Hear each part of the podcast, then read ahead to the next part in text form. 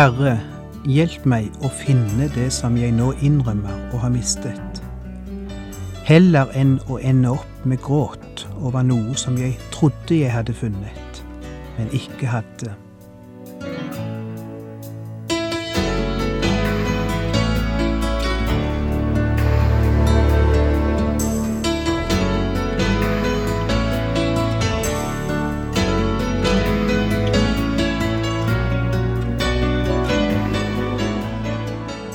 Hjertelig velkommen til et nytt program i serien Vindu mot livet. Vindu mot livet er basert på programserien Insight for Living ved Chuck Svindal. Programmet er produsert av Kristen Riksradio og blir ledet av Ola Bjoland.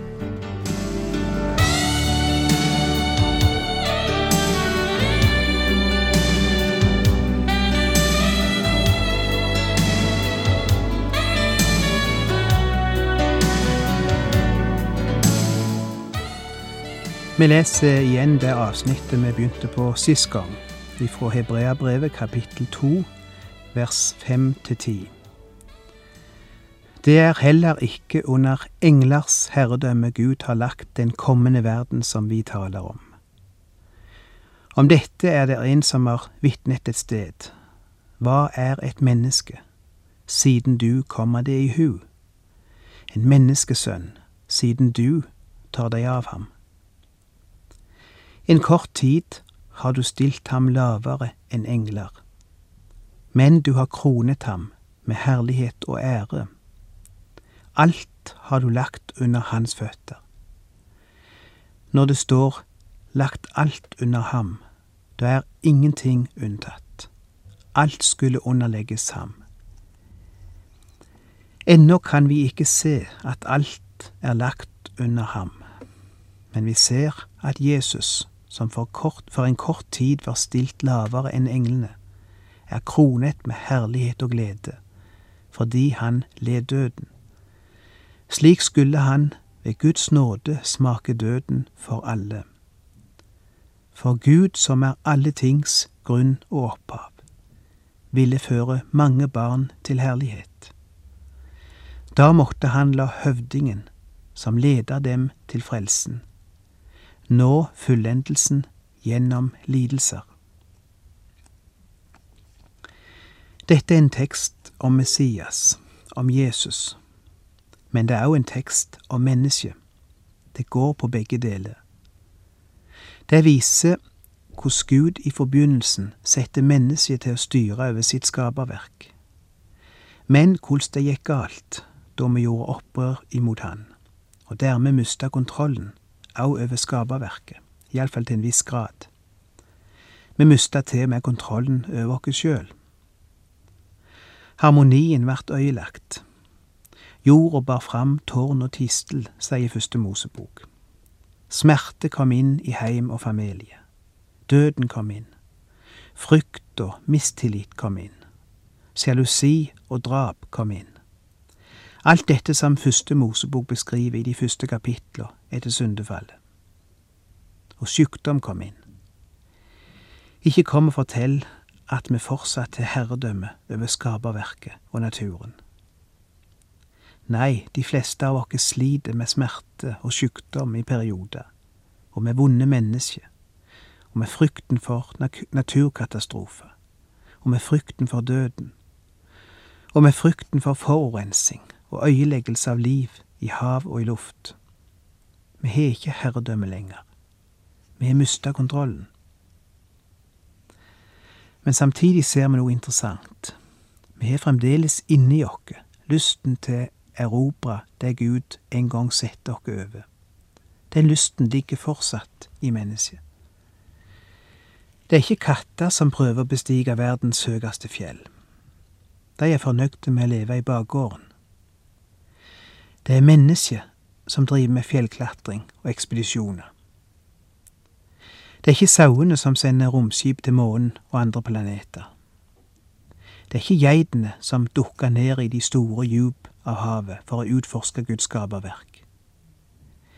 Det er en innebygd trang i mennesket, som Gud la ned i oss da han satte oss til å utforske og beherske verden. Og den trangen har vi fortsatt, sjøl om vi har mista kontrollen på mange måter. En har sagt det slik Mennesket beholder stadig et bemerkelsesverdig minne om det Gud en gang ba det om å gjøre. Problemet er, når det prøver å gjøre det, roter det ofte det hele til og skaper farlige situasjoner. For det har mistet noe av evnen til å være herrer over skaperverket. Ting er kommet ut av kontroll og ut av balanse. Det er derfor vi står ansikt til ansikt med trusselen om globale forurensninger og klimaendringer og ødeleggelser. Og vi innrømmer det, politikere og vitenskapsfolk og filosofer og alt innrømmer i dag at vi mister kontrollen, at vi ikke ser ut til å klare å kontrollere verden. Vi er villige til å akseptere det når det gjelder naturen. Men når det gjelder sjølve livet, så er vi ikke villige til å innrømme det. Vi skal finne en vei. Vi skal klare livet. Vi skal klare heimen. Vi skal klare å leve med verdighet og dø med verdighet. Vi skal finne løsninger på livets mysterium og dødens mysterium. Å nei, du klarer ikke det. Det er humanismen som prøver å innbille oss at vi klarer det. Men noen mennesker har innsett at de har mista kontrollen over seg sjøl og over naturen. Og hva er så svaret? Vers 9 gir oss svaret. Vi ser Jesus, står der. Vi ser at Jesus, som for en kort tid var stilt lavere enn englene, er kronet med herlighet og ære, fordi han led døden. Slik skulle han ved Guds nåde smake døden for alle. For Gud, som er alle tings opphav og grunn, ville føre mange barn til herlighet. Da måtte han la høvdingen som leder dem til frelsen, nå fullendelsen gjennom lidelser. Vår hovedfiende er døden. Vi kan bygge svære bygninger. Vi kan vinne nobelpriser. Vi kan være store kunstnere og ta glimrende akademiske eksamener. Vi kan slå England i fotball og vinne verdensmesterskap på ski. Vi kan komme høyt i livet. Men vi klarer ikke, ser det ut for, å mestre det problem som kalles døden.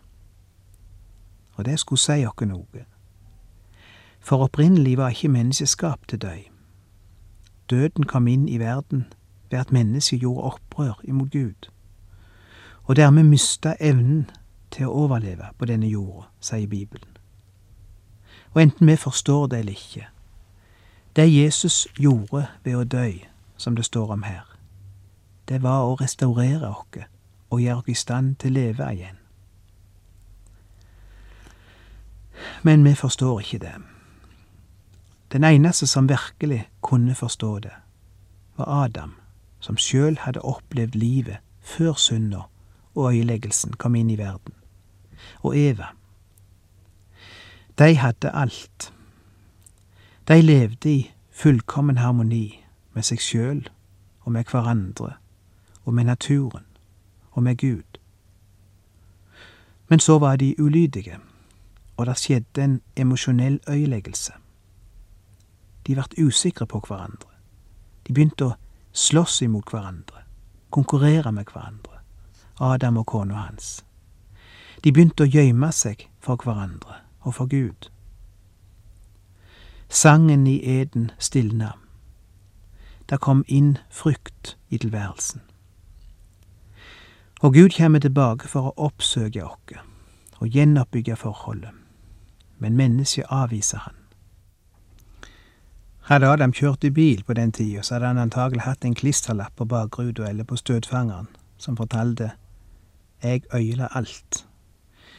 Og bare han ville forstått hva det innebar for han hadde opplevd hvordan det var før det blei ødelagt.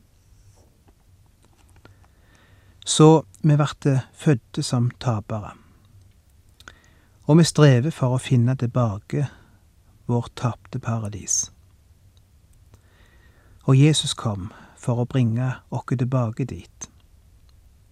Slik skulle han smake døden for alle, for Gud, som er alle tings grunn og opphold, opphav, ville føre mange barn til herlighet. Vet ikke om du la merke til skiftet i pronomen her i teksten. Jesus døde for alle, står det. Men ikke alle blir ført tilbake til det tapte paradis. Ikke alle får oppleve herligheten. For her er det et skifte i pronomen. Plutselig er alle blitt til mange. Det vil si ikke alle. Det Jesus gjorde, det var nok for alle. Men når Gud så kommer og tilbyr mennesket dette, så er det noen som sier nei takk, jeg skal klare meg sjøl. Har du lyst til å høre vitnesbyrdet til en virkelig humanist?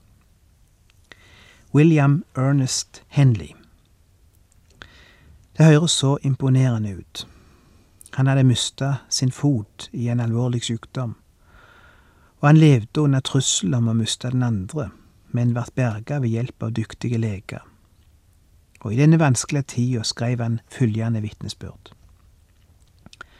Ut av den natt som omgir meg, sort er den avgrunn fra pol til pol. Jeg takker de gudene som måtte være, for min ubøyelige og uovervinnelige sjel. I omstendighetens grusomme klør har jeg aldri ynket meg eller skreket høyt. Under skjebnens nådeløse slag har mitt hode blødd, men aldri bøyet seg. Bakom sløret av sinne og tårer dukka redselen fram av skyggen. Og likevel, tidens trussel skal ikke klare å finne meg redd. Uansett hvor trang porten er, og hvor full av dom bøkene er. Jeg er herren over min skjebne. Jeg er kapteinen over min sjel. Eller kanskje mest kjent i den engelske versjonen. I am the master of my fate. I am the captain of my soul. Slik slutter humanistens vitnesbyrd. Og det gjennomsyrer hele vår tenkning og hele vår oppdragelse. Du kan ikke studere noen plass, nesten, uten å støyte på humanismens ideale, som gjennomsyrer hele systemet. Vi har funnet det. Vi har funnet svaret. Vi har funnet løsningen.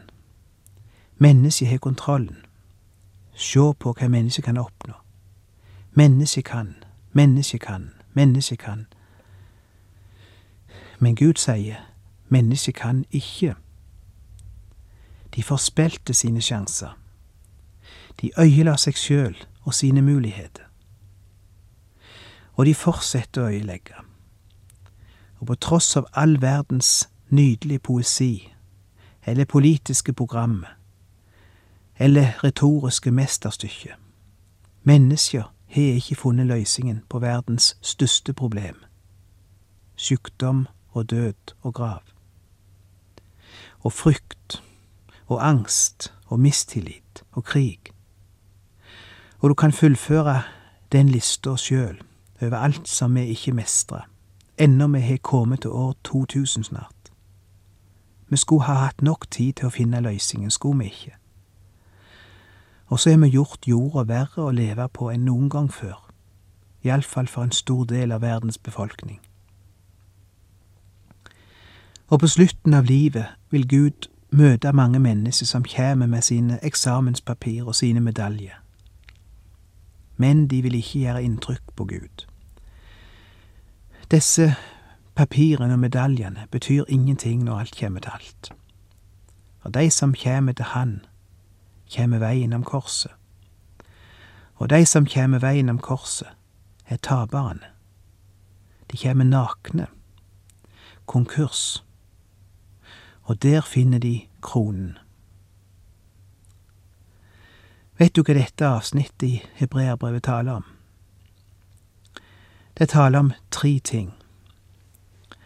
Det ideelle, det aktuelle og det mulige. Fikk du tak i det? Først det ideelle. Det var slik Gud hadde tenkt det. Det var slik det var for Adam og Eva, før de øyela det.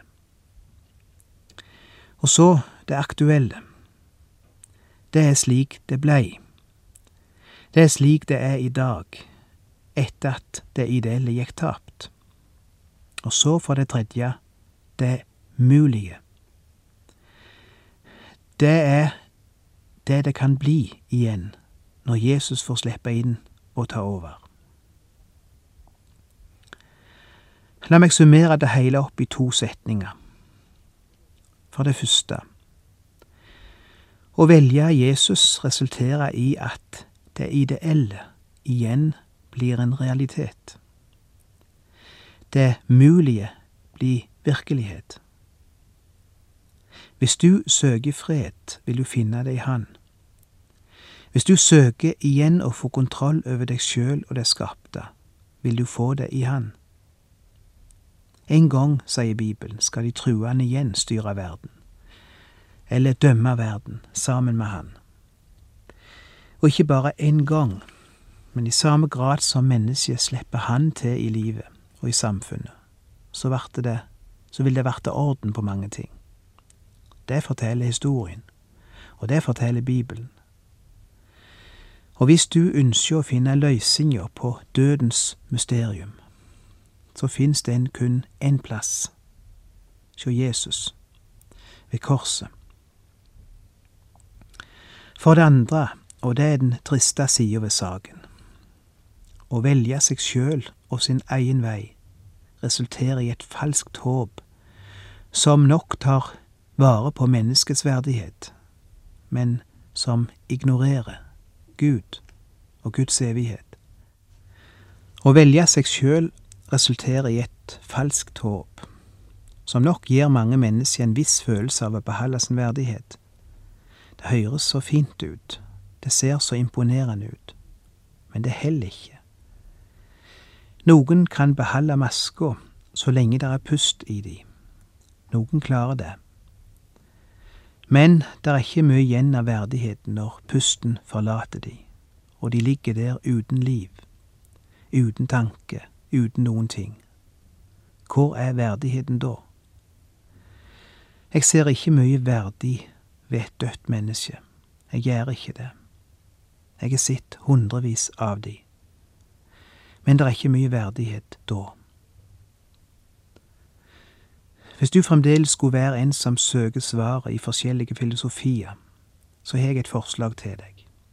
Still et enkelt spørsmål til den som måtte være din favorittfilosof, eller det som måtte være ditt favorittlivssyn. Spør hvilken, hvilken filosofi eller hvilket livssyn eller hvilket system i denne verden vil være i stand til å bære gjennom døden og graven. Det er et enkelt spørsmål. Bare en enkel setning. Og vent til du får svar. Ikke la deg avspise med utenomsnakk.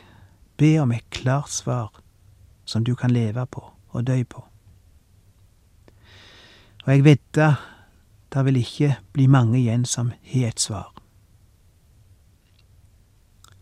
La oss høre på noen hva slags svar de har. Først en som heter Will Duran, tidligere professor i filosofi ved Columbia-universitetet. Han sier der er ikke noe i livet som er sikkert uten nederlag og død. En søvn som det ser ut til å ikke være noen oppvekkelse fra. Tro og håp forsvinner. Tvil og desperasjon er en del av min hverdag. Det synes umulig å gi livet noen mening lenger. Eller en som heter Herbert George Wells, en engelsk novellist og forfatter og historiker og skeptiker. Og mot slutten av livet sitt sa han Tiden er inne for å finne fred tilbake, for å finne tilbake til freden. Men jeg skriker ut, jeg klarer ikke tilpasse meg denne situasjonen. Jeg klarer ikke finne freden. Her står jeg, 65 år gammel, og er fremdeles på leting etter fred. Det hele er som en håpløs drøm. Eller en som heter Evgin O'Neill, amerikansk dramatiker og skuespiller. Og nobelprisvinner for sin klassiker Lang dags ferd mot natt, der han blant annet skriver Livets eneste mening nå er døden. Så gå den i møte med mot. Døden kommer som et tynt laken i en kald, kald natt. Eller Ernest Hemingway, amerikansk journalist og forfatter og humanist. I sitt verk Døden om ettermiddagen skriver han Der er ingen befrielse for noe i livet. Døden er den eneste befrielse fra all ulykke. Jeg lever i et vakuum som er så ensomt som en radio når batteriene er døde og der ikke er noen plugg til å plugge inn kontakten. Den 2. juli 1961 døde han av et pistolskudd som han satte imot seg sjøl, etter å ha vært inn og ut av sykehuset etter to tidligere selvmordsforsøk. Jesus har et svar. Et svar som tusenvis av mennesker opp gjennom historien har vært villige til å satse på, og leve på og dø på. Og svaret er like enkelt som spørsmålet. Jeg døde for at du skal leve. Tro på meg. Jeg vil bære deg gjennom døden. Jeg har vært der før. Jeg har rydda vei. Og jeg vil gi deg tilbake det tapte paradis, og vi skal være sammen til evig tid. Jeg skal tørke bort hver tåre av dine øyne, og døden skal ikke være mer, heller ikke sorg eller skrik eller smerte, for det som før var, er borte. Ikke engang de såkalte autoriteter og talsmenn har svar på det som går ut over døden. Bare taperne har slike svar. For de innrømmer at de kan ikke finne veien sjøl. De kan ikke finne svaret sjøl og de kommer til Jesus og sier, Jeg er tapt. Herre, jeg gir det til deg. Jeg gir all min forvirring og alle mine spørsmål og alle mine nederlag over til deg.